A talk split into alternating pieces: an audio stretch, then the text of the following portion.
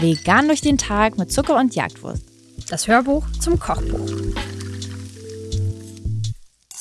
Das ist ein Rezept, das ihr hier seht. Das interessiert euch vielleicht, weil ihr sagt, das habe ich auf jeden Fall gegessen, als ich nicht vegan war. Das möchte ich doch gerne mal nachmachen. Vor allem, weil dieses Bild. Ja, es sieht ganz gruselig aus.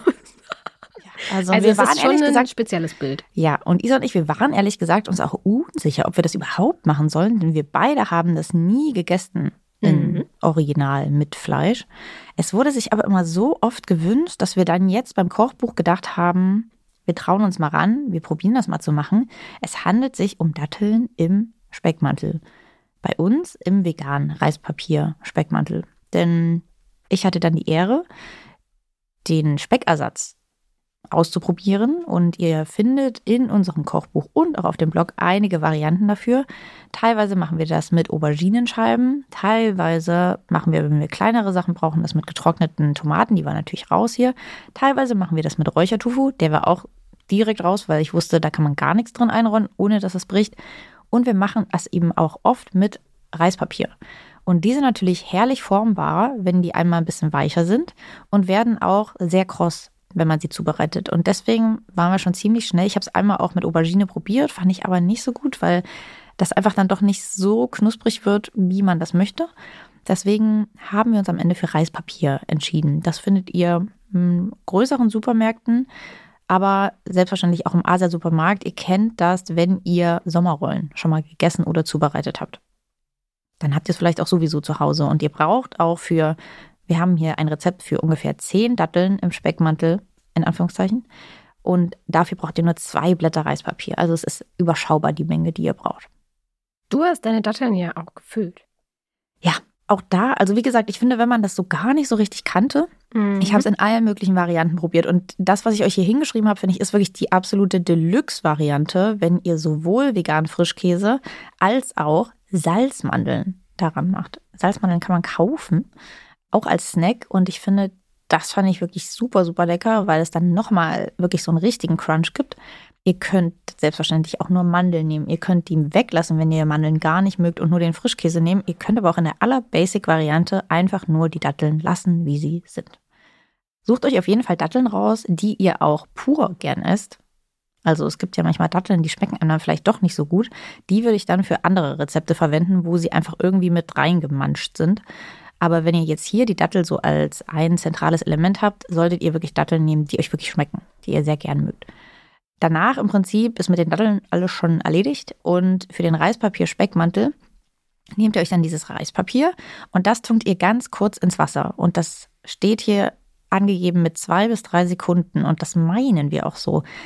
Das wirkt, wenn ihr es dann rausnehmt, noch viel zu fest, aber so Reispapier wirklich, das wird immer weicher. Also das, das saugt sich dann nach und nach voll.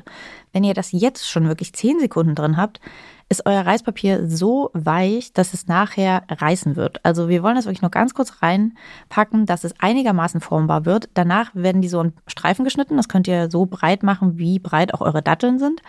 Und danach werden die darin im Prinzip eingewickelt und mit der Marinade bestrichen. Auch das würde ich nicht so machen, dass ihr das rein tunkt, denn auch dann kommt wieder viel zu viel Flüssigkeit nochmal zusätzlich zu eurem eingeweichten Reispapier. Also passt da einfach ein bisschen auf, dass da generell die Marinade soll natürlich ran, weil das soll ja nach irgendwas schmecken.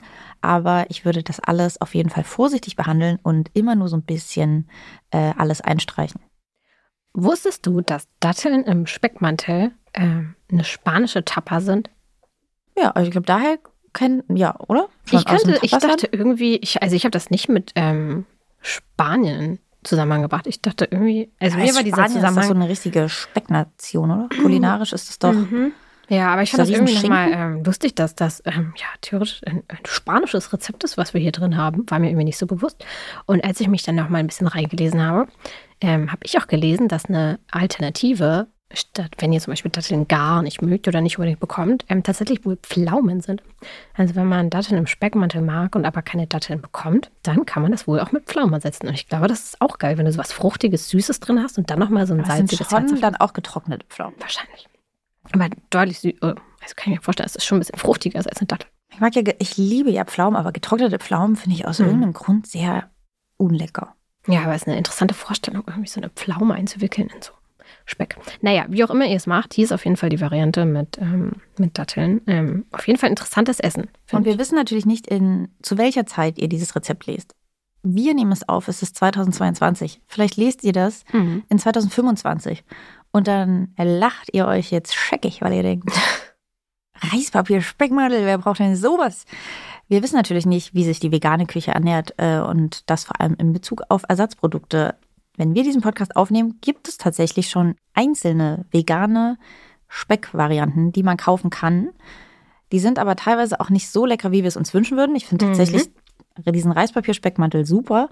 Aber natürlich kann es sein, wenn ihr uns die hört, dass es entspanntere Varianten gibt und ihr einfach mittlerweile denkt, hä, na, ich nehme einfach eine Dattel, da wickel ich veganen Speck drum und dann hat sich das. Naja, dann habt ihr Glück gehabt. Dann dauert das Ganze nicht mal 30 Minuten, sondern nur noch 10. Auch gut. Aber vielleicht wollt ihr auch dann nochmal was Neues ausprobieren. Dann empfehlen wir euch auf jeden Fall diese Variante mit Reispapier für euren spanischen Abend.